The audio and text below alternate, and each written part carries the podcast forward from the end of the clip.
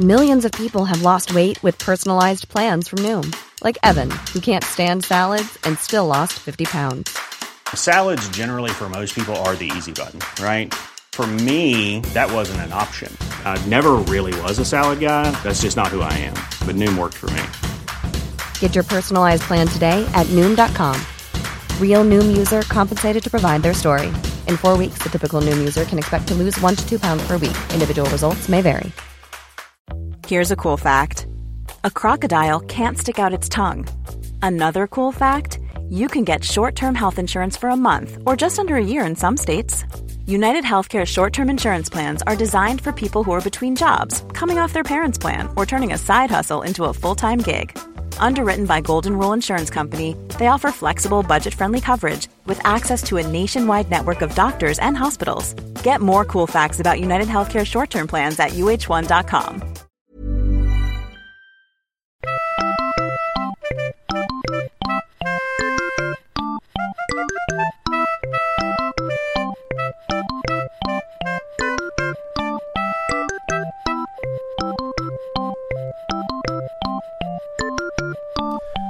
Hej hej! Hallå! Välkomna till uh, Arkivsamtal med mig uh, Simon Gärdenfors och dagens gäst är Hanna Fahl. Välkommen hit. Tack. Vi hörde just en uh, signaturmelodi uh, av Sandro Myntzing som till det här premiäravsnittet av uh, Arkivsamtal som den här podcasten ska heta. Och det var en flöjt med i den. Kunde du höra vilken flöjt det var?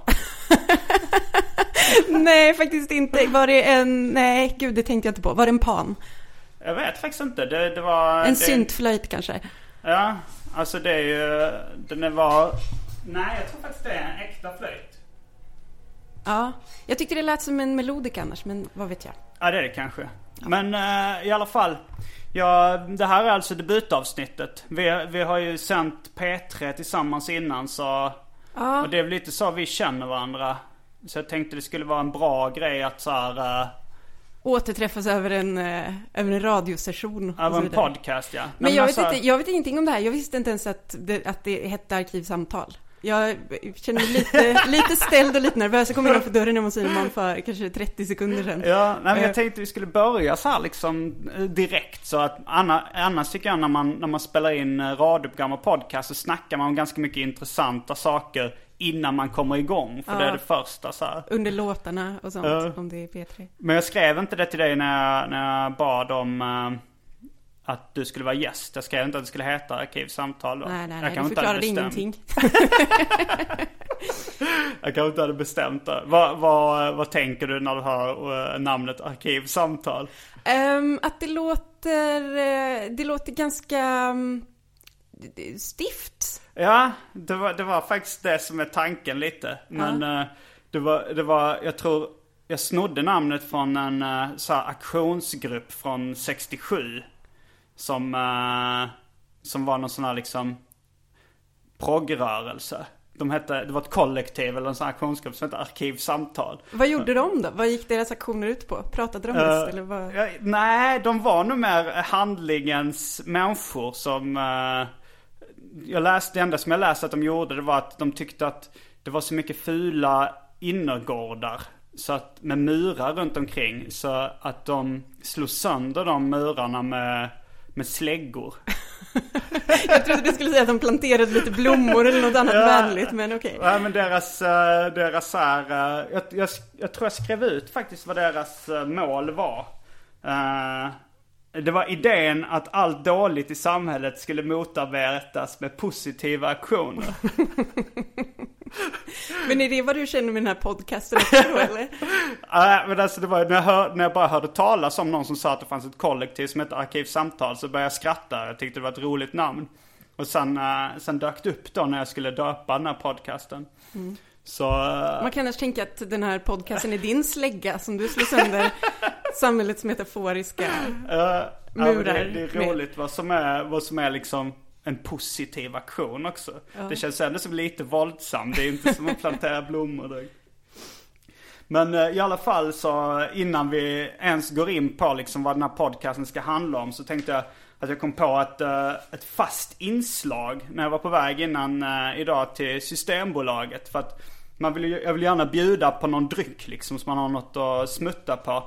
Medan man, eh, medan man gör den här eh, inspelningen då. Så jag tänkte det fasta inslaget skulle vara Välj drycken.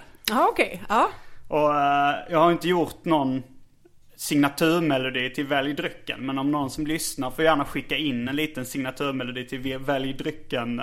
Jag har ju bara nu introlåten då som ni hörde. Men då kollade jag igenom vad jag hade i kylen. Och eh, då ska du få, det är en ganska lång lista. Eh, vatten, kaffe, alltså jag har, allt det här finns inte i kylen i och för sig men. Vatten, kaffe, Coca-Cola Zero, 7-Up Light. Ölen Samuel Adams ljus lager. Franskt vitt vin. Uh, wine spritzer.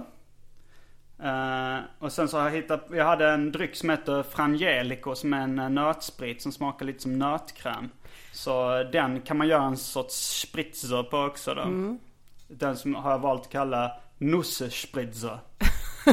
jag kan inte Okej. tyska men jag har läst lite på förpackningar och sånt där. Sen har vi Baileys. Nu kommer vi till det komiska inslaget i väldrycken. En Festis lakrits som gick ut för nio år sedan. Eh, vodka, gin, vov ägglikör. Det står faktiskt vov inom citattecken på, på förpackningen. Den är ett år gammal men ägglikör höll, håller sig nog ändå ganska länge om det är liksom starkt. Och sen slutklämmen mineralvatten. Är det här ett Rorschach-test undrar jag? Nej, du, du kan få titta ska- lite på kommer det- listan igen. Det, det, är mest att man, alltså man måste ju ha någonting som man inte blir helt torr i munnen. Och sen Ja, så om man vill fyllna till lite liksom under samtalet så, så kan man ju Så göra det det, också. Liksom. Det är en Eh, möjlighet. Okej, men jag... ehm, Okej, jag väljer en uh, Nusserspritzer. En Nusserspritzer. Men jag tror att jag har det också. Men, Kör på eh, det, eh, för det var den med Frangelico. Ja. Ja. Jag älskar Frangelico nämligen. Ja, det är Jag har gott. Är det druckit inte oerhört här? mycket Frangelico i min dag. Du har gjort det? Alltså jag upptäckte den för ett år sedan. Och eh, det är ju, det, det är gott. Men vad jag tänkte på nu är ju, det är härligt att man får säga varumärkesnamn. Som vi inte fick när vi var Jag med vet, det känns lite P3. ovant. Det är nästan så att eh, Ja. det hugger lite i ens eh, hjärta. Jag, Eh, jag men- kommer gå och fixa en Nusselspritzer. Spritzer Ja. nu. Pausar vi under tiden då eller har du någon Ja, pausmusik? eller? ja, det finns ju en, jag kan ju slänga in Sandros pausmusik. Men vi, vi kan också, om du vill, kan du babbla på utan mig ett Nej, tag. nej, nej, nej, okej, tack. men då nej, pausar tack. Pausmusik. Nu? Ja men det gör vi. Ja, bra. Då rullar vi igen. Och jag är tillbaks från köket, från min öppna planlösning. Vi sitter i mitt hem just nu. Jag har aldrig varit hemma hos dig förut. Nej det har du inte. Jag har inte varit hemma hos dig heller. Nej, det är fint. Tack. Jag undrar vad du har, du har en väldigt stor eh, samling kartonger ovanpå. ovanpå det Simon sitter så är det liksom ett, en garderob och ovanpå så är det som ett Tetris-pussel av eh, kartonger och alla ser ut att innehålla olika typer av elektronik. Sparar det du på dem av någon ja, anledning eller? Det är nog för att jag ska kunna ta med mig elektroniken sen när jag flyttar eller reser så här. Nu till exempel ska jag ner till Skåne och ta med mig de här mickarna och sånt där. Ah, okej. och då, men, men det har blivit lite tvångsmässigt beteende också. Så. Det är som ett litet, en liten kubikmeter hoarding i Mm. en i övrigt ganska fin lägenhet. Men där, när vi lämnade Hanna och Simon sist så hade jag just fixat en Nusserspritzer. Eller skulle Ja. just fixa en Nusserspritzer. Det var inte så mycket Frangelico kvar så att eh, jag eh, gav dig det mesta av Ja, den. okej. Jag fick Eh. även det fina glaset. Partyglaset där, Mm. som är någon slags cocktailglas. Då ska Okej. vi smaka då Skål. samtidigt. Skål, skål och välkommen. Tack.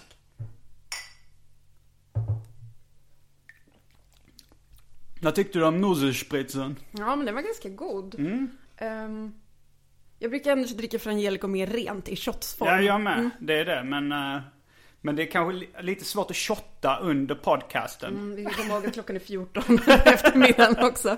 Nej, men jag är helt för. Jag kände att jag gjorde rätt val ändå. Är Tack det, så det är den drycken med, med roligast namn också då? Ja, precis. Är det så här, du har ju liksom, hur många är det här? Kanske är det 12 olika drycker. Kommer du liksom att stryka varje dryck eh, för varje gäst som har valt en och så kommer det bara att vara... Nej, Eh. det kommer vara rätt mycket vad som finns i min kyl för tillfället. Ja, okej. Och eh, på tisdag så åker jag till Malmö. Och då kommer det vara helt andra förutsättningar liksom. Är det liksom för, dina föräldrars kyl då eller? Ja, min mamma, jag trodde jag skulle bo hemma hos min mamma men hon hade lånat ut eh, lägenheten till vår släkting Fred Allan Gordon. Okej.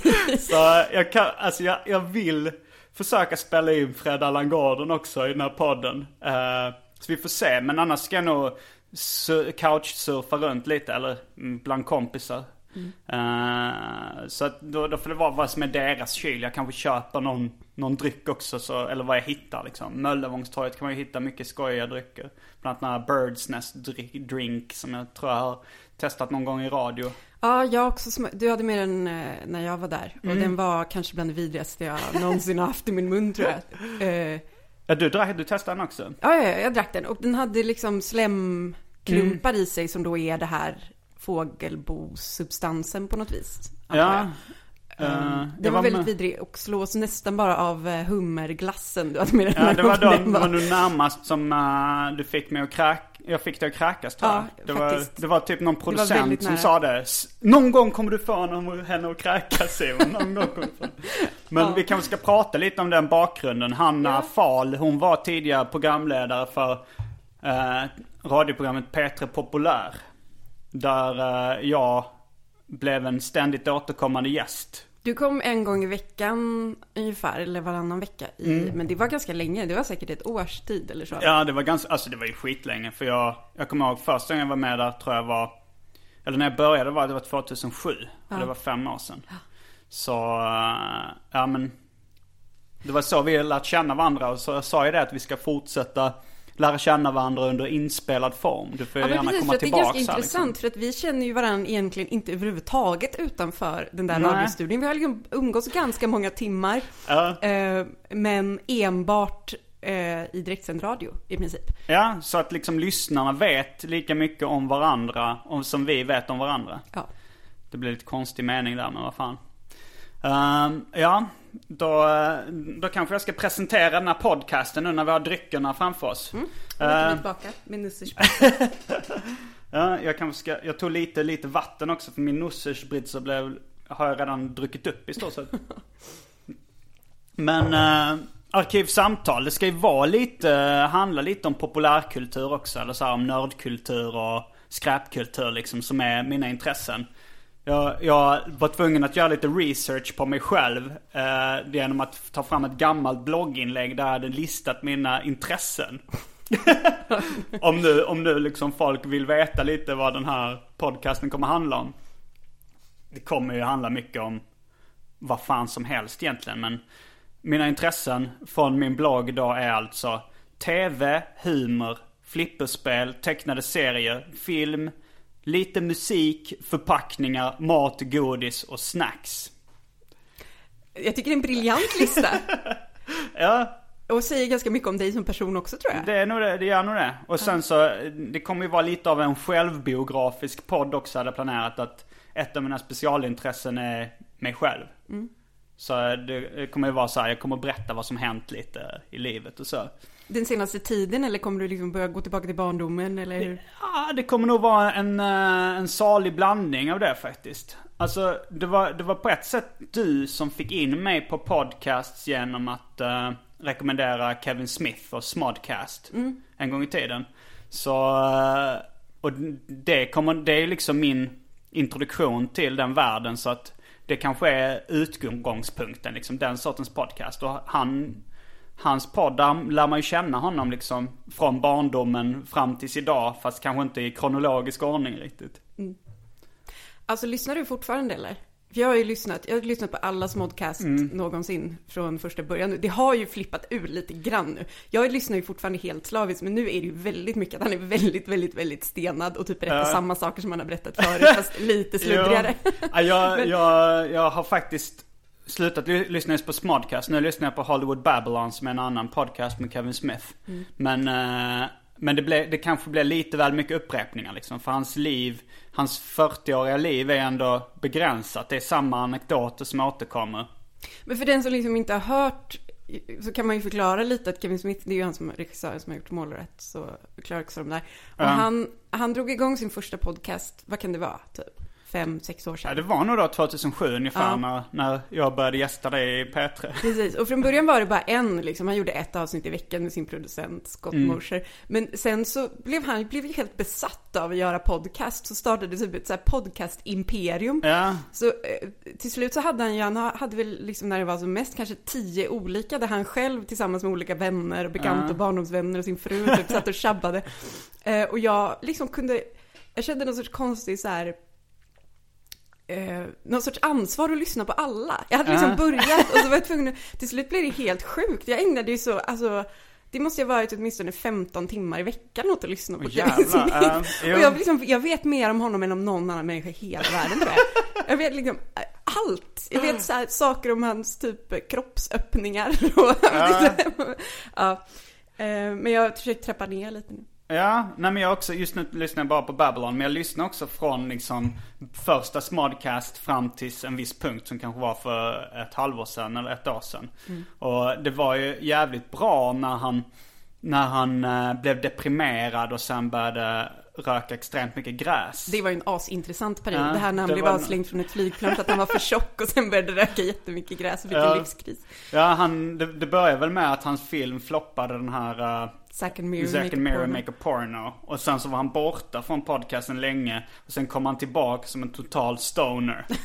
och det, på ett sätt är det lite deprimerande att han var tvungen att liksom självmedicinera ångestdämpande. Men, men det blev ändå så jävla mycket mer intressant. Och sen, eh, ja. Vi kanske ska lämna Kevin Smith, men Lämna det var ju Kevin. ändå liksom, eh, ja det var ju lite både genom, det, det blev en bra segway på något sätt eftersom jag började med att lyssna på det genom Petra Populär, eller du rekommenderade off sändning någon gång. Men eh, det var, men jag fan men vi träffades, när vi träffades första gången, det var typ i, när jag skulle ge ut min första bok, Turist. Och du var tillsammans med min förläggare då, en av Ja, dem. Stefan Zackrisson. Ja, så var jag hemma hos er och skulle diskutera typ marknadsföringen med boken eller sånt där. Just det, det var när vi bodde i Skarpnäck. Ja, det var nog. Men det, det var nog första gången jag träffade dig. Ja. Det var så här, jag hade fått tjata till mig att ge ut den boken på Lystring som deras förlag hette. För jag kände Fredrik Jonsson som jobbade där. Och sådär. Eh, och jag jobbade som redaktör då på Ernie och Megapython. Så jag hade, jag hade rätt schysst med pengar liksom. Men jag fick finansiera allting själv och lägga 20 000 på trycket liksom av pocketboken. och sen så liksom för att jag skulle få jag vet inte, alltså Lystring, de kunde väl hjälpa mig med lite saker. Att de hade ett registrerat förlag och så. Så då, då var jag hemma där. Då, då satt du i soffan och gjorde någonting annat samtidigt. Men det var nog första gången vi träffades. Men då, de hade ju gett ut Johannes Nilssons bok innan va? Och Mm. din var den andra, tror jag, som kom ut på Lystring. lys- eh, den recensionen de gett ut av Johannes Ja. Nilsson. Jag tycker fortfarande det är en helt fantastisk bok. Jag har Ja, inte den läst den grym. på tio år, men eh, ja. Ja, han, han skäms väldigt mycket för den nu. Eh, så han vägrar att, ge ut fler eh, exemplar av den. Den finns bara i, jag tror den trycktes i 2000 ex. eh, Mm. och sånt där. Jag, jag har, jag tror jag har ett eller två ex. Har du kvar ditt? Nej, jag har faktiskt inte. Jag tror att det försvann i flytten när vi eh, gjorde Mm. slut. Men eh, ja, grym bok. Och jag älskar, jag älskade ju Turist också. Det var, ju för, det var nog första gången jag hörde talas om dig överhuvudtaget, tror jag. Eh, men jag minns att jag var lite, jag tyckte att ni verkade jävligt jobbiga, hela det där gänget. Och jag hade ju liksom bara bilderna jag hade läst Johannes bok där Ja. du var, figurerade lite grann, tror jag. Mm, jag var med på något ställe. Och turist var också jävligt jobbig, ni höll på och backpackade som en jävla lodisar och typ, eh, eh, ja, jag, Ja, vi kommer kanske från lite olika ungdomskulturer. ja jag tror säga. det. Och eh, också, jag kan tänka mig att jag satt i den där soffan när du var hemma och hade det mötet och bara, åh, orka. Ja, du himlar nog med ögonen ja, jag vid, kan tänka mig det. vid flera tillfällen. Men jag gillar Turist väldigt mycket också, din bok. Och jag kommer egentligen bara ihåg en serieruta väldigt, väldigt tydligt. Och det är när du vid något tillfälle i den här boken ser en Pokémon Ja. i en affär och eh, eh, i någon sorts rus får för att den ser ut exakt som du och eh, blir väldigt upp, upphetsad över att ni heter nästan likadant också. Pokémon och Simon. Ja, det, det, jag tror lite har du slagit ihop två serier i huvudet som jag har gjort. Jag har gjort en serie som heter Jag trodde jag var Pokémon. Som handlar om Ah, det. just det, det och sen så har jag gjort en i Turist då så, så när jag är hög på någon narkotika. Jag tror i verkligheten var det nog gräs. Så, eh, så kramade jag en stor eh, Pokémon-docka. Som är då, jag tror det är Pichu, alltså Pikachus gulliga version. Jag är inte Just det. jätteinsatt i Pokémon-världen men jag tror det är den här... han- jag, kanske är Pikachus lillebrorsa. Eh, Ja, jag inte jag vet inte om vi ska pausa och googla det nu. Det kanske vi ska göra. Eller så, eller så släpper du fotnoter till varje avsnitt också, där du googlar allting i efterhand. jag tror vi testar det här greppet att pausa och googla. Okej, vi gör det. Okej. Mm. Jag tror i framtiden så skippar vi det här greppet och pausar och googlar. Det blir, Man kommer ur fokus lite. Men Mm. Verkligen, men nu är har det- jag Wikipedia-sidan uppe på min mobil här. Eh, det finns två, det verkar finnas två bröder som heter Pitch, Pichu. Det är en Pokémon species. Jaha, det är en art som heter Pichu. Okej. Ja, och eh, den är någon sorts eh, gnagare som bor under jord. Jaha. Tydligen. Men vi får istället köra att lyssnarna får uh, mejla in till uh, arkivsamtal at simongmail.com Jag har skaffat en Simon Gmail. Det är ändå mäktigt. Bra mail att ha. Simon Gmail, ja. Eh, så arkivsamtal at simongmail.com Jag vet inte om jag ska uttala det på svenska eller engelska, vad tycker Simon du? Gmail, Simon Gmail. Simon Gmail. Simon Gmail tror jag. Simon Gmail. Ja. Simongmail.com så får ni berätta om vem Pichu, eller vem, vem den gulliga Pokémon-figuren jag kramar i Turist är. Det är han som ser ut som Pikachu fast eh, rundare och gulligare. Mm. Sen, då, då var det liksom första gången vi träffades eh, i den lägenheten eh, i Skarpnäck. Sen kommer jag ihåg att vi träffades en annan gång på typ en casting session för ZTV. Minns du det? Va? Nej, det kommer jag inte alls ihåg. Vad var... Jo, det var för... eh, Jag Var det för de sökte typ- nog bara lite nya programledare. Och jag kommer inte ihåg om det var tryck till eller Ja, något det sånt var där. det. Det var tryck till var det. Ja. Mm. Just det, Jag just tror det. Jenny Seth uh, jobbar som producent där. Mm. Det är så hennes namn ska uttalas va? Inte Seth. Nej, Seth. Seth. Eh, Jenny Seth. Jenny är en av mina bästa kompisar. Ja. Mm. Men, eh, men då så, i- jag tror ingen av, du, ingen av oss två fick jobbet då. Nej.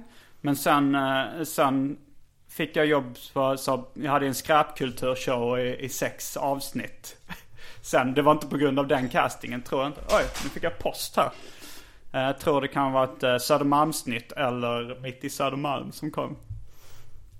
Eh, ja, nej men just, just det. För sen hade du tv... Var det bara sex avsnitt? Kändes Ja. som att det pågick mycket längre. Nej men sen, nej, sen, sen la de ner. Eh, eller inte hela, jag, jag hade ju gärna sagt att sen la ZTV ner och då kunde inte jag fortsätta. Men jag blev faktiskt, jag fick sparken innan de hann, precis innan de hann lägga ner. Ja.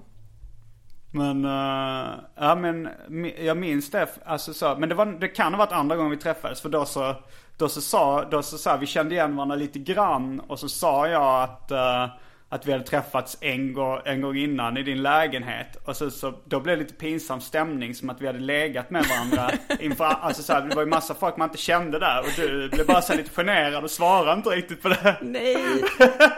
Ja, förlåt. Jag är väldigt lätt generad. Ehm, ja, ja just det. Men Mm. sen var det nog i samband med Simons 120 dagar då som jag började dyka upp som ständigt återkommande gäst i, Mm. i Petre Populär. Du var väl som vanlig gäst någon gång så tyckte vi att du var väldigt rolig och så Ja. fick du komma tillbaka. Och eh, hur länge sedan var det du slutade där nu på Petre? Det är ett och ett halvt år sedan ungefär. Mm. Och du jobbar på DN nu. Mm. Det, det var en rolig artikel om bronies här, Ja, för häromdagen. fan vad roligt det var att skriva den. Åh, de är helt fantastiska. Alltså ma- manliga My Little Pony-fans. Mm. Eh, men det var väl någon eh, som ringde in när vi hade ett avsnitt om fanfiction.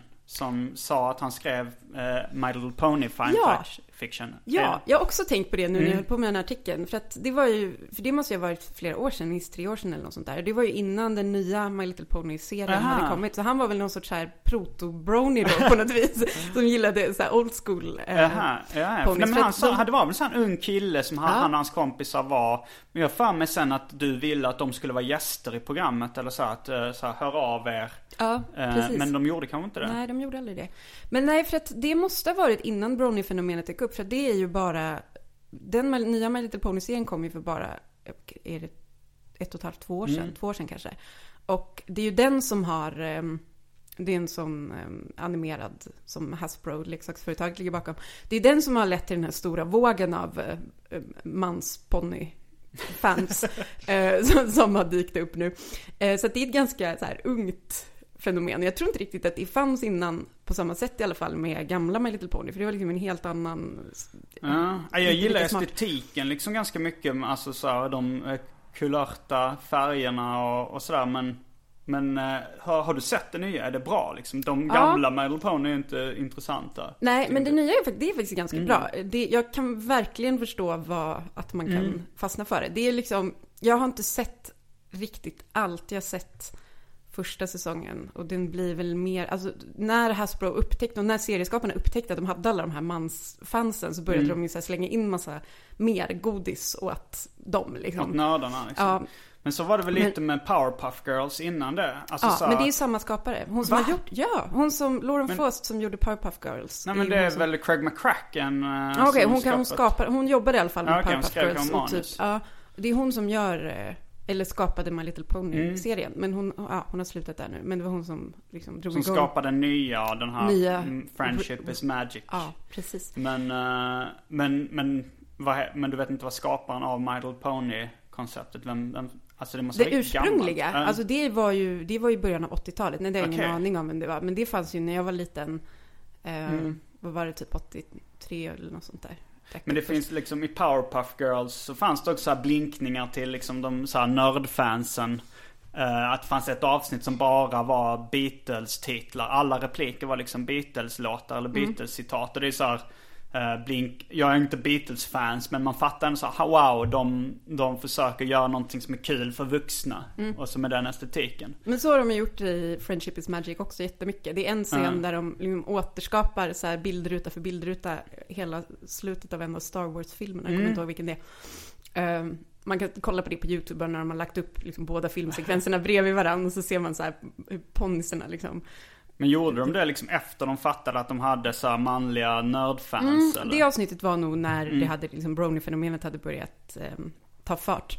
Så att det blir ju liksom bättre och bättre tror jag för en vuxen publik ju längre man kollar på Friendship is Magic. Men det är, jag är inte, inte helt såld på det. Men jag Nej. kan verkligen förstå att man fastnar för det.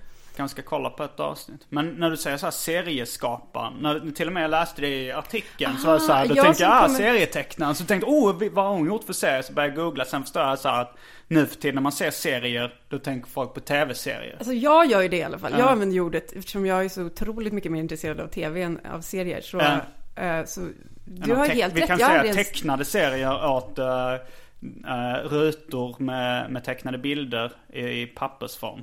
Och sen säger man tv-serier så att man inte blir Då blir det förvirrad. riktigt tydligt.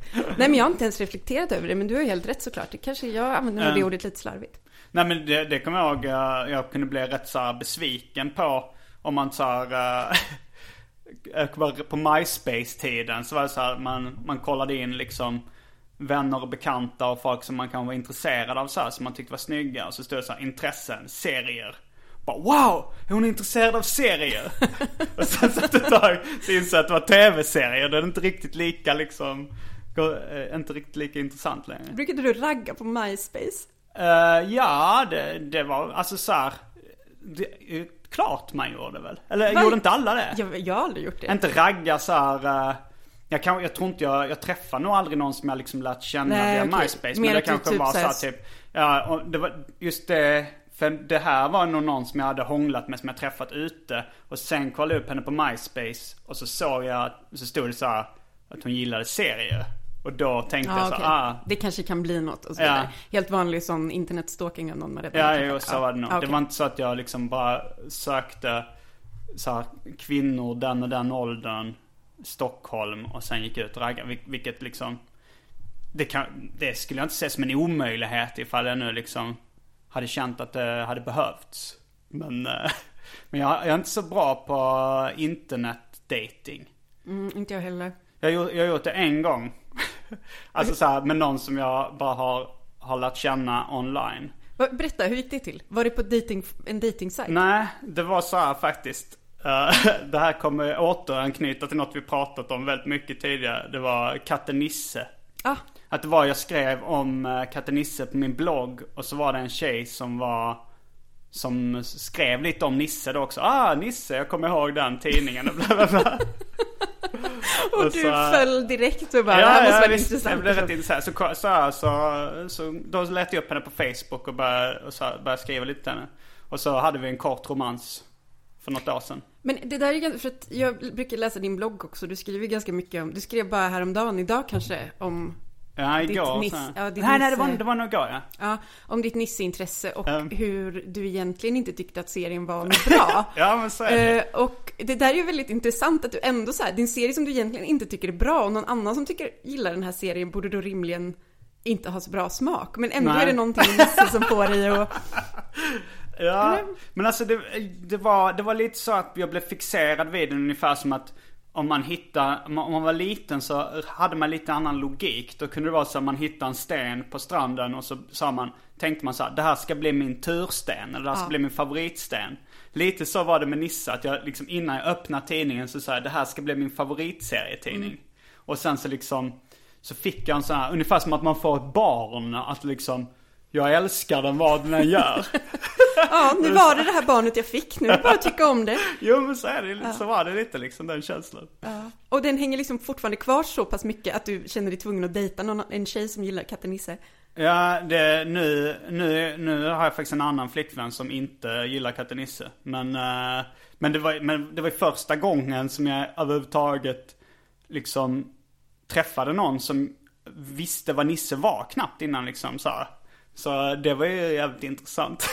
Och det hade, hade det fungerat hade det kunnat bli en väldigt episk historia. Absolut. Ja.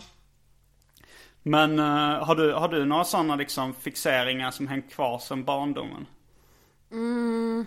Eller vad, vilken är din största, Nja. vilken är din största fan? Om, om du skulle tvingas att liksom ha ett medlemskort i någon, i någon fanklubb, fanclub. En fanclub. Um, alltså, nej jag har nog inte riktigt kvar någon sån från barndomen. Det skulle väl vara typ en del, vissa band kanske. Som Eller Battlestar 12. Galactica. Ja, Battlestar Galactica tycker jag är fantastiskt. Buffy såklart. Och um, um, ja, lite sådana tv-serier. Men kanske Kanske Pet Shop Boys då.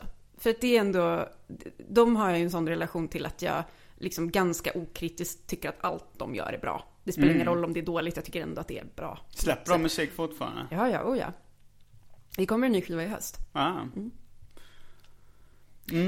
Men jag håller med dig om det där att man hade så konstig logik när man var liten och kunde bli så här, nästan få dåligt samvete om man slutade leka med en av sina leksaker så. Ja, ja, Att man liksom, men jag, så jätte, jag kommer ihåg jag hade några så här töntiga, jättefula, ehm, typ tusenfotingar i mjukisformat. Lyskompisar. Heter de det? Lyskompisar. Ja men min syrra lekte med dem. Så här Eh, mjukisdjur som fanns i väldigt många. De var liksom Nej, ganska nej, nej, stora. vänta. Nu, nu blandar jag ihop dem. För det fanns några tusenfotingar som var självlysande. Som hette lyskompisar i typ eh, mjukplast eller så här gummi. Nej, det här Men var sen liksom- fanns det större...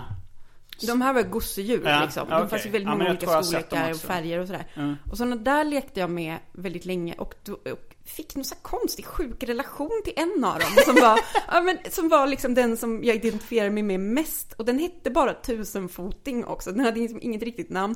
Och den var lila och det var den första jag fick på något sätt då. Och den... Eh, jag minns att jag liksom fortsatte att leka med den här fast så här uttråkat och tvångsmässigt bara för att inte svika den på något sätt. Jag hade liksom blivit så gammal att man inte hade den där typen av fantasi längre. Där det är kul att leka med gosedjur men ändå så här satte mig ner och bara okej, nu är det här. Har du kvar, har du kvar tusen... Hette den bara Ja, tusenfoting? tusenfoting. Har du, Eh, har du kvar ja, tusenfoting? Den är, nog, den är nog kvar hos mamma och pappa någonstans. Jag tror inte de har haft hjärta så länge. Men jag, har- jag har inte tagit med den Mm. liksom, hit. Men ja. Ja, men jag känner igen det faktiskt. Jag hade ett gosedjur eh, som jag, jag kommer ihåg så också att jag bad om ursäkt till gosedjuret när jag hade ignorerat det en längre tid. Liksom när jag började bli för gammal. Men det var eh, Goofy, alltså en långben-docka. Uh, Sport-Goofy var det nog till och med. eh, som jag fick, som jag grät till mig på Disneyland på 80-talet. Gud, vi går, du åker till Disneyland på 80-talet. Ja, nej, men min, min pappa jobbade i Stanford. Eh, han, han är professor då. Då var han inte professor, men eh, han jobbade på universitetet i, i Stanford i Kalifornien. Och det finns väl ett Disneyland i Kalifornien? Alltså gud, fråga inte mig, Men jag vet inget om lyssnarna, Disneyland. ringa in kunde de göra på Petra, men de får mejla in. Jag tror det finns ett i, i, i Kalifornien. Ja, typ. det är kanske ett i Florida och första. ett i Kalifornien Ja. tror jag. Jag håller på att läsa Disney-biografin nu så jag, ja, han, han hade ju sina, stud, sina studios i Kalifornien när de, när de slog igenom. Eller han började i Kansas. Men vi, jag tror det var i, någonstans i Kalifornien vi var i, i, eh, när vi var små. Då jag kanske var, det här måste varit typ när jag var sex kanske. Sex år gammal. Och då var vi på Disneyland och jag, jag såg en sån där eh, långben-docka. Som, eh, som jag tyckte var fin. Och så, jag vet inte ens om jag frågade om jag kunde få den då när vi var där. Eller om så här, så här, då sa jag bara, ah, får jag den? Så nej. Och sen gick vi vidare. Och sen, eh, sen eh, på kvällen så, så jag, jag har, har lite så här humörsvängningar och hade det kanske mer när jag var liten. Alltså så här, lite, lite ångest på kvällen och sånt där. Och då blir det ungefär som en bakfylleångest liksom. Att man bara skannar av hjärnan för att hitta någonting att bli ledsen eller irriterad på. Eh, det har jag fortfarande liksom ibland om jag är bakfull eller mår dåligt så bara hittar min hjärna något problem även om det inte finns något så här riktigt problem. Men då på kvällen så blev mitt problem att jag inte hade den här Goofy-dockan. så, eh, så då grät jag jättemycket. Och så, och så liksom frågade så här, min, eh, min brorsa liksom varför jag grät. Så, ah, jag ville ha den där lång Goofy-dockan. Och, så, och sen tror jag han väckte mina föräldrar och sen så mådde jag jättedåligt. Och så till slut liksom så, så sa, tror jag min mamma sa, okej vi, vi kör dit igen och, och köper den åt dig. Men så här i efterhand, tycker du att de gjorde rätt? Eller borde de ha lärt dig Nej. hantera din ångest på något annat sätt? Ja, jag, jag tror inte de fattar. På den, på den tiden så visste man inte riktigt vad ång, ångest var. Det, alltså det, det fanns inte riktigt det. Nu kanske jag... Vänta nu ska jag se här.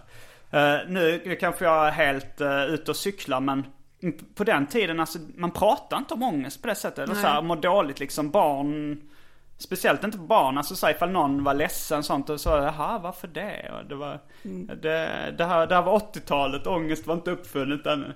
Men liksom fattade du, var det därför du fick en sån konstig relation till Goofy då? För att du visste att du hade liksom på något sätt så manipulerat dig till den eller Kanske så här, du det. måste vara tacksam för den på något Men, vis. men nu när jag tänker tillbaks på minnet så var, så var det så här, då åkte vi dit och min mamma lyckades övertala dem att inte be, behöva betala inträde för vi bara skulle köpa den här dockan och sen liksom åka ut igen. Eh, och, och sen så gick vi in och sen så, jag tror inte det var samma typ av långbendocka som jag köpte. För det var så ja är det den här? Och sen till slut så var den, så hittade vi inte någon långbendocka. Sen så hittade vi den här sportgoofy-dockan. Uh, och det var, ja, det var inte den sportgoofy-dockan jag hade sett innan. Men jag tänkte ändå, ja det var den sa jag. och sen fick jag då sport-goofy-dockan och då, det var nog lite så att jag hade dåligt samvete för att jag hade gråtit till med den och så här, att det var tvungen att bli min favorit. Men sen var vi då i USA och jag hade liksom inte så mycket andra gosedjur så att liksom det var jag och, och Goofy mot skiten då Du och liksom. Sport-Goofy. Jag hatar ju sport liksom, vilket är rätt ironiskt. Jag tror fan, jag måste bara öppna fönstret. Det är så jävla varmt här. Men... äh, då får det bli lite fågelkvitter och sånt också. Det kanske bara är charmigt. Kanske lite mer brus och ambiens. Men jag fick ju aldrig några, det var ju en sån princip mina föräldrar hade, att vi all, jag fick aldrig några märkesleksaker. Nähä. Liksom, Eh, Men, eh, så den här uh, tusenfoting, det var inget känt märke? alltså... Du Ja, fick inga märken som de det- visste vad det var? Nej, precis. Det var ju om jag ville ha en Barbie till exempel, som jag vill, väl ville ha någon period. Mm. Eh, jag fick ju liksom ingen Barbie, utan jag fick liksom tjata i kanske ett och ett halvt år och sen fick jag så Barbies fulare billighetsversion Cindy. Cindy, Vars ja. hår blev så här till en tova efter typ två kamningar och så var det... Men ja, det var ju också ett varumärke liksom. Det är bara att du Ja, fick vet, med var, B ja, jag fick liksom de marginellt billigare, lite töntigare varumärkena. Jag fick ju heller inget godis utan fick en äggkopp med russin till lördagsgodis varje vecka. Jo, det, det har vi faktiskt återkommit till lite Ja, då och då. det är lite av under mitt barndomstrauma. P3-perioden. Ja. Men, men eh, jag hade, mitt barndomstrauma var att jag inte hade kabel-tv när vi växte upp liksom. Så Mm. att Och men så jag blev rätt svältfödd på liksom skräpkultur. Och sen blev fixerad av det när jag kom till USA liksom. och Blev överväldigad av det. Men, men just det här att du inte fick godis. eh, du äter inte så mycket godis idag heller då, eller hur? För jag um, du sa det någon gång att du inte gör nej, det. Nej men det gör jag inte. Jag tycker mycket bättre om eh, snacks. Mm, ostsnacks har du Ja, nämnt någon gång. Ostbollar. Eh, Alltså cheese balls. Cheese balls. till exempel. Är det OLV också eller? Jag vet inte ens om de finns längre. Jag har inte sett dem på skitlänge. Men jag hade Nej. en period när jag var helt besatt av cheeseballs. Och även kanske eh, ett av mitt livs minst stolta ögonblick när jag hittade en jättegammal cheeseball under soffan en gång och åt upp den. Eh, jag tror att det var, ja. Jag skämdes väldigt mycket över det efteråt. Men nej, men jag Var, hur var, var den mjuk eller en? minns den som ganska god. Lätt dammig. men nej, vi fick liksom inget, vi fick ju, men det var så, det är, som, det är så himla film, filmisk scen när jag och min lilla syster satt där med varsin äggop med russin. För att när jag var liten, det måste ha varit när du var liten också, så var det här barnprogrammet på lördagar utspelade sig inuti en jättestor påse engelsk konfekt. Lördagsgodis. Ja. Eh, Så där satt man, ransonerade sina russin så så de skulle räcka hela lördags eh, barnprograms-tvn och tittade på dem när de satt och balanserade på stora.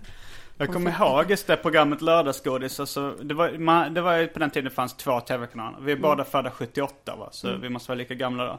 Men eh, då kommer jag ihåg att det var väl inte jättekul det programmet. Det var väl Nej. sådär, uh, det var ju kul att han var i en godispåse men, men annars var det så här man kunde ha och mista det liksom. Men så kommer jag ihåg eh, ännu ett så här min mamma försöker uppfostra mig inslag i Arkivsamtal kommer nu här. Att eh, det var så här när jag, när jag var busig eller hade gjort liksom, brutit mot de reglerna som min mor hade satt upp. Så sa hon så här att liksom, hon ville egentligen inte eh, ha så här straff liksom så här, Man fick avdrag på veckopengen, vilket vi började köra med sen liksom. Så här om jag typ kom för sent eller, ja, inte följde med till farmor när vi skulle dit så fick jag så avdrag på veckopengen som straff. Men då så sa, då någon gång skulle vi få sätta oss ner och diskutera där jag själv fick vara med och liksom bestämma ett rimligt straff. Åh gud vad pedagogiskt. Ja. Och då så tror jag min mamma kommer för, alltså så här, jag ville ju, då, jag kom, tänkte, min första taktik var att inte komma med några förslag så att det skulle vara omöjligt att straffa mig. Men då sa min mamma att eh, det kanske kan vara så att du inte får något lördagsgodis. Eh, om du har varit dum så här.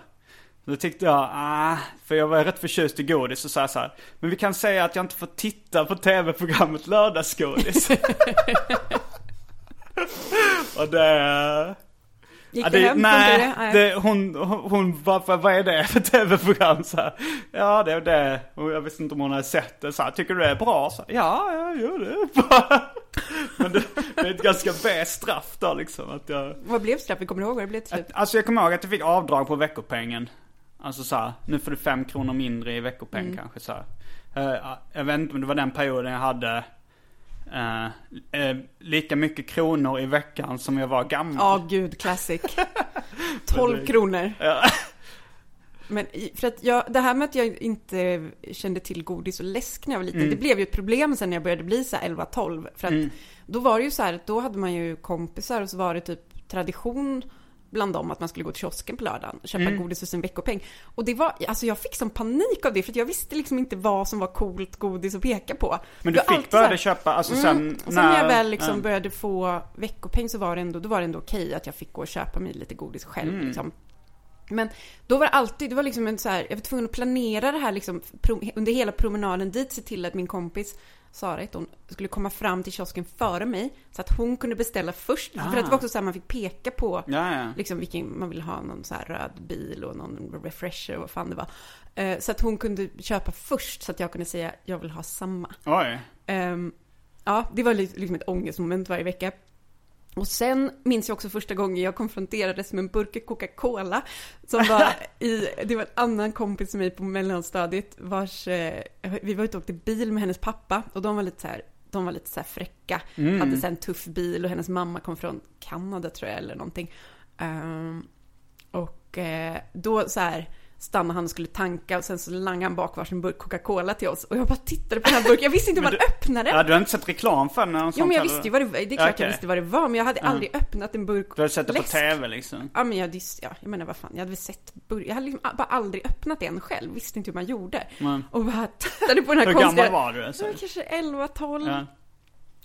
Tittade på den här konstiga så här, mekanismen som skulle liksom öppna burken och bara försökte se hur min kompis gjorde och bara "Ah", till slut var jag tvungen att fråga henne. Och, Åh, gud. Ja men jag tyckte alltså, skam. det, alltså Coca-Cola och Fanta och sånt Det var nog det coolaste jag visste när jag var liten Alltså Ja. för det var så mycket ungdomskultur förknippat Ja. med det Det var liksom så här Folk som hade keps och åkte skateboard och drack så här Fanta, alltså vi fick nog det på så här när vi hade barnkalas och sånt fick vi Fanta och Coca-Cola men, men annars var man ju van vid de här eh, apotekarnas eh, backläsk Ja. Eh, Jag fick inte dricka, det fick vi liksom inte varje dag. Jag var hemma hos en polare som fick liksom dricka läsk varje dag om han ville. Det, det hade jag också så här, Min hjärna exploderade när jag liksom insåg att man, att man skulle kunna ha ett sånt liv.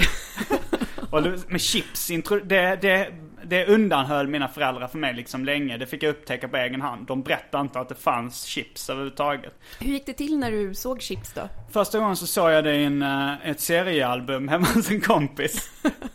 Där det stod så här eh, potatischips. Eh, jag kommer inte ihåg, det var en typ så här uh, franco-belgisk serie tror jag. Kan, det kan ha varit Hagobard. Mm. vet, den är nog amerikansk förresten. Men det roliga var att det var ju tvådimensionellt så det var bara en, en ring, liksom en gul ring. Så jag trodde att chips, potatischips var sfäriska. Alltså som att det var en, en potatis som... jag tyckte det verkade så jävla gott. Sen tror jag att jag, fick det på typ något såhär mellanstadiedisco eller typ något party eller något födelsedagskalas hemma hos någon kompis. Men jag minns inte när jag smakade såhär för första gången. Men jag kommer ihåg att jag frågade min kompis om chips och så här. Och han sa, ja men det är jättegott. Jag bara, Vet, vet du vad chips är? ja. Alltså på ett sätt så tycker jag ju, jag är ju verkligen inte, inte, jag tycker att mina föräldrar gjorde rätt som uppfostrade en restriktivt vad gäller typ godis sånt. Det är väl skitbra, vad fan, jag kanske hade varit typ tjock nu annars. Vem vet? Men eh, det var ju så många så här små saker som var så himla stigmatiserande när man var liten. Att inte ha koll på. Man kände sig som en sån jävla tönt. ja. Bara, Jag kommer ihåg med O'boy också, det fick vi hemma. Eh, vi slutade med det efter ett tag när, eh, när min morsa så mycket socker det var i det. Men, men då var det så att man fick ta tre skedar O'boy. eh, och så blanda i mjölken. Och det godaste var när, eh, när liksom pulvret hade sjunkit ner Ah, lite till botten och det blev någon slags kolasås. Eh, och det tyckte man svingott. Men sen, det var ju bara tre skedar så det blev inte så mycket sånt. Sen så började jag på fritids Eh, någon gång när jag var liten och då så, så hade de så här en, kyl där man fick ta och käka mellanmål. Och så hade de mjölk och O'boy så frågade jag då fritidsledaren så här, eh, hur många skedar får man ta O'boy? Så han, ja du får ta hur många du vill. Eh, liksom var tvungen att kolla så jag inte hade hört fel bara. Eh, hur, hur många jag vill? Ja, ta på bara. Får jag ta 10 skedar? Ja. Får jag ta 20 skedar? Ja. Och då så gjorde jag så att då fyllde jag liksom halva dricksglaset med, med O'boy-pulver. Jag, hade ju då drömmen om att göra ett glas med bara kolasås. Alltså sånt som bildades i botten. Så jag, fyllde, jag körde ungefär 50-50. Blandade ett helt glas. Och drack och jag, jag mådde jävligt illa efteråt liksom. Det blev, det blev för mycket. Så eh, jag vet inte riktigt hur man, alltså så här, hur mycket restriktioner man ska göra. Jag tycker att jag var nog lite för hårt hållen liksom. Okej, om jag skulle utveckla kraftig fetma då kan de ju sätta ner foten. ja, Vilket, eh, vilket eh, min morsa gjorde också vid något tillfälle. När hon tyckte jag åt för, för snabbt och för mycket liksom. Men blev, var du tjock då? Lite svullen. Åh fy fan vilket äckligt ut. ja, det är jävligt äckligt. Men det är så roligt. Ja. Men, eh, men, men alltså så här, då, då så la hon band på mig liksom så här, nej du får äta lite mindre så här. Men då, då fick jag inte riktigt ta, men sen när jag, men sen var det också så att mina föräldrar tvingade mig att ha någon sport, alltså träna så här. Då började jag på kampsporter. Eh, jag tränade judo och karate när jag var liten. Så då, då blev jag inte tjock på grund av att jag gjorde det liksom. Sen kom ju fåfängan in i bilden också lite senare. Först, först var det fattigdomen som satte käppar i hjulet när jag just hade flyttat hemifrån. Så, så då, då gick jag ner i vikt för att jag inte hade råd att äta så mycket liksom. Jag gick på socialbidrag och så här. Sen, ehm, sen kom jag ihåg att när jag fick, när jag var 21 så började jag jobba på Egmont och hade en sån här hög eh, lön. Och då så insåg jag så här, wow! Jag kan äta två pizzor om jag vill. Det var bara ekonomin som hade Ja, satt hinder jag hade för inte tänkt på, för då hade jag varit smal så länge liksom. Eller så här normalviktig liksom och hade ekonomin. Och sen, sen var det så här. Sen, eh, jag kommer ihåg, jag var tillsammans med en tjej från Finland då, eller, eller vi hade gjort slut men hon, hon hade flyttat tillbaka till Finland och så kom hon tillbaka och så, frågade så här, sa du har fått lite ölmage Simon. det, eh, han sa, då var jag kanske inte så fåfäng eftersom jag knappt hade märkt eller tänkt på det. Så var jag så här, oj det har jag faktiskt. Och sen... Och det då sambandet mellan dubbelpizza och Ja. fetma gick upp för dig. Ja det kanske var så här. jag förstod väl att det var det men, men det var, ja. Det var, det, var, det var någon som hade klagat också liksom lite och jag, jag, jag var uppenbart att det syntes att jag, så då så, då började jag så här gå in, för, alltså började banta liksom. Och gå in för att äta nyttigare. Och fick lära mig allt det här om näringslära liksom. Med kolhydrater och proteiner och sånt där. Gick du på någon diet då eller? Nej, eh, eller jag, jag försöker, jag kommer ihåg vissa tillfällen jag, alltså det, först var jag helt okunnig. Och då hade jag bara fått för mig där att man skulle äta mycket fibrer. och det, det var det som, Ja, fortsätt. så jag, och jag är ganska så här, har en tendens att vara lite extrem på, när jag gör saker liksom. Eller så här. Så jag, då, då skulle jag äta så mycket fibrer som möjligt, i stort sett bara fibrer. Så jag gick i affären och kollade liksom vad som innehöll mest fibrer. Då fanns det någon slags, alltså bramflakes, det var ju så här Kellogg's, men de hade någon slags som var nästan var pellets som man skulle blanda ut. Eh, så jag, jag käkade sådana liksom bramflakes, jag kommer inte ihåg, det hette typ bara all bran eller, nej jag vet inte fan vad det hette. Men det var några bramflakes som såg ut som hundmat ungefär, fast tunna pinnar liksom. Så de käkade jag med, tillsammans med minimjölk. och det, det, min mage gick åt helvete liksom. Det var så här, jag fick diarré och, och gaser som in i helvete. Det var så här skitdåligt. Eh, och sen, sen försökte jag nog, alltså till slut kom jag på tricket att man skulle räkna eh, kolhydraterna. Eller så här, hur mycket man fick. Och sen räkna ut hur mycket man gjorde av med ungefär. Och sen, sen hålla sig inom en mängd energi. Liksom. Men gud, du gjorde det på det strukturerade sättet ändå? Ja, till Räknade slut dina det så. kolhydrater? Ja men ungefär så här, jag, jag, jag käkar mycket djupfrysta färdigrätter. Och där står det på hur mycket kolhydrater det är. Och då så, då kun, kan, var det ganska lätt. Och så här, även liksom eh, hamburgare på snabbmatsrestauranger och sånt så brukar det stå, man kan googla fram det liksom hur mycket det är. Och så, så körde jag en sån här, eh, ungefär som Jared i eh, Subway-macke-reklamen. Att han liksom åt snabbmat fast en viss mängd. Och så, så löste jag det. Gud, ja. Fan vad strukturerat. Jo men jag är ganska så här disciplinerad och strukturerad. Det är en av mina personlighetsdrag. Är det ett bra personlighetsdrag? Ja det, det tycker jag. För mycket uträttat och sådär. Och, och ifall, jag, ifall jag vill gå ner i vikt till exempel så kan jag göra det. Men det var också ett så här, ett barndomsminne så, som eh, mina, min släkt har eh, så här, sommarhus eh, på Österlen. Och då, eh, i Å, det ligger nära Åhus. Och då hade de en sån här glassbåten i Åhus.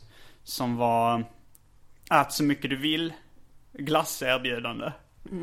Och då så tänkte jag också så att, eh, då var jag kanske 7-8 eller någonting. Och då tänkte jag så att jag ska, jag ska liksom svälta mig fram tills vi åker dit ikväll klockan åtta liksom. Så jag vägrar så äta frukost, vägrar äta lunch och vägrar äta kvällsmat.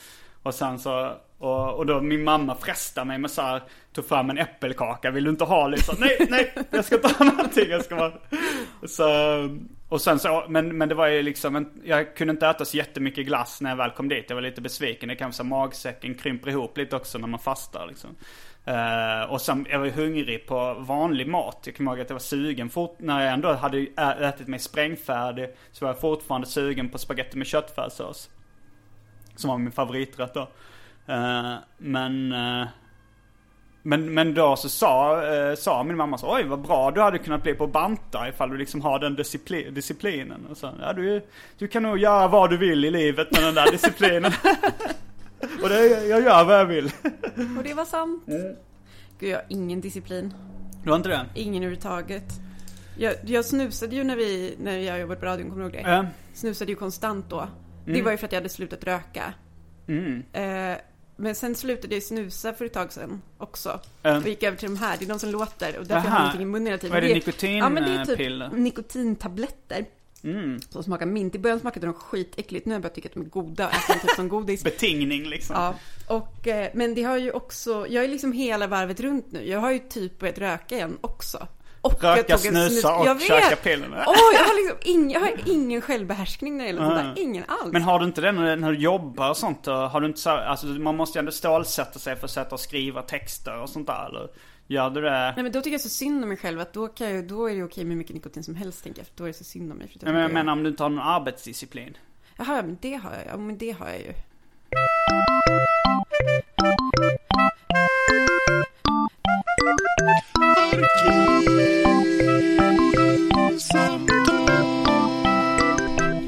Då är vi tillbaks. Vi är tillbaks med varsin wine spritzer. Japp. Eh, och eh, jag kommer ihåg att jag, när du frågade vad vi skulle prata om i den här podcasten så eh, hade jag inga förslag direkt utan bara vi kan prata om vad som helst. Eh, men jag sa ändå så här, du kan ta med en sak. För att det, det var min uppgift i P3 Populär. För att vi skulle liksom ha någonting att, att freestyla kring. Precis. Jag var i Azerbajdzjan nyss. Jaha, Eh, på... vad gjorde du i Azerbajdzjan? Jo men det var ju Eurovision Song Contest i Azerbajdzjan. Och då var Jaha, jag där alltså jag, jag, är, jag är eh, Jag har ju någon slags underground-komplex i min populärkulturella vetande. Ja. Så att jag visste inte att det var där. Nej, men det var det. Eh, och då var jag där i typ tio dagar. Och det var helt sjukt för det är ju en diktatur. Det var helt bananas liksom. Man hade byggt så himla... Man hade liksom smackat upp hela den här arenan på åtta månader som såg ut som en jättestor dödsstjärna. På ett så här område, på en udde där de hade vräkt så här 20 000 människor. Och bara, hej då, nu är ni hemlösa, nu ska vi bygga den här arenan. Och så, ja, men det var så mycket konstiga saker. Det var liksom nya fasader på alla hus och det var så här stora väggmålningar på eh, presidenten i alla kvarter och så här. Men då fick man den här i välkomstpresent. När man liksom checkade in. En kub. Det är, nej men det är, du ser, det står Sockar här.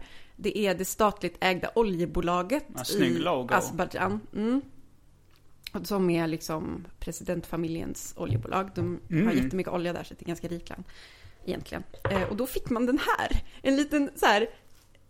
Ja, du kan få titta på den. Det är en, liksom en En kristall med en boll med lite vätska i. En boll det är med tusch alltså azerisk eh, olja ingjuten i en, i en jag tror att det är en glasdiamant. 14-kantig glas. eh, Ja, jag, får lägga upp bilder av de här på min blogg då. gardenfors.blogspot.com. Eller Men jag, bara... ja, och den är så himla fascinerande, den är så otroligt ful. Och Ja. den är så, Vad ska man ha? Ska Det- man ställa, alltså det är en prydnadssak? Eller är det en... antar det, eller typ någon sorts brevpress kanske om någon använder det nu för Men tiden. det, men det är sån Och så- råolja liksom? Ja, det är råolja Det svarta ingju- guldet. Ja, ingjutet i Det en en plast... En eh, plastdiamant. Och, eh, men jag vet inte, jag tycker den är så himla fascinerande på något sätt. Den är så extremt smaklös. och, Ja. ehm, Jo, det blir men lite är Borat-humor över det liksom. Ja, verkligen. Och det är liksom, liksom olja, det är också så, olja är så äckligt och typ så här förknippat med så mycket ondska i världen och liksom korruption och så bara har de gjort den här vackra Ja. Men jag, jag kan ändå förstå så- hur de har tänkt. Det så här, vad ska vi ge för fin present? Det svarta guldet. Ja. Och så kommer det- den i den här asken med Ja. en liten sån här Ja, siden, blå siden. Var, var förvarar du den i din lägenhet? Nej, just nu står den bara i sin ask liksom i hyllan, men jag kanske ska... Jag kanske borde ställa fram den. Men jag vet, jag vet inte riktigt. Jag tycker både den är väldigt vidrig och Ska du väldigt inte göra ett fascinerande smycke samtidigt. av den där du har den runt halsen? kanske. Lite otymplig, lite, Lite, stor den så är här, en men det hade varit rätt excentriskt att ha ett sånt smycke. Lite som Flavor Ja. Flavs klocka. Jaha, då Jag ska se om jag där kvar några, se om jag kvar några frågor. Eh, jag, jag, I morse skrev jag ändå ner lite grejer som jag ville, ville prata om. Eller som så här, ifall, ifall vi inte skulle få tiden att gå så skulle jag ha de här. Men jag tror eh, eh, vi har gått igenom det mesta. Eh, de andra, de, många grejer kan jag spara till nästa gång du är här. Som vi pratat i över en timme redan. Och jo, kanske så ska vi snacka lite mer om ostsnacks.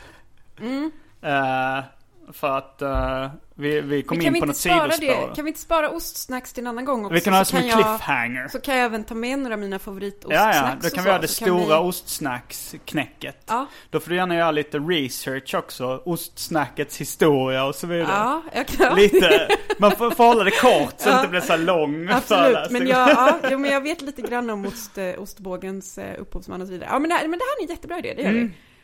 Men och så det kan, kan du kanske bygga ut till ett DN-knäck sen. Det stora Precis. grävet om ostsnacks. Ja, exakt. Men eh, det var allt från uh, Arkiv eh, Samtal den här veckan. Vi slutade med en liten cliffhanger då. Eh, nästa vecka kommer förmodligen Maja Aspera Lind vara gäst och sen ska jag åka till Skåne. Men Hanna Fahl kommer tillbaks som den ständigt återkommande gästen i ett avsnitt nu. Tack för mig. Jag heter Simon Gärdenfors. Hanna heter jag. Fullbordat samtal. Uh, jag Åh, hade hittat på en slut.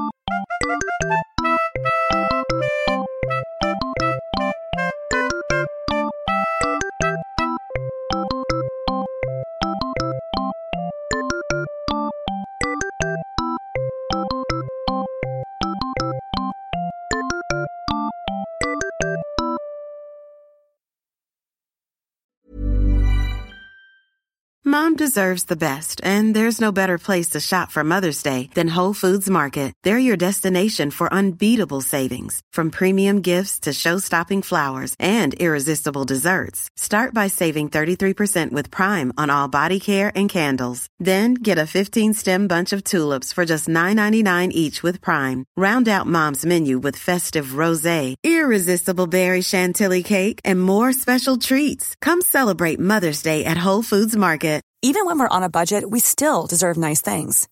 Quince is a place to scoop up stunning high-end goods for 50 to 80% less than similar brands. They have buttery soft cashmere sweaters starting at $50, luxurious Italian leather bags, and so much more. Plus, Quince only works with factories that use safe, ethical, and responsible manufacturing. Get the high-end goods you'll love without the high price tag with Quince. Go to quince.com slash style for free shipping and 365 day returns.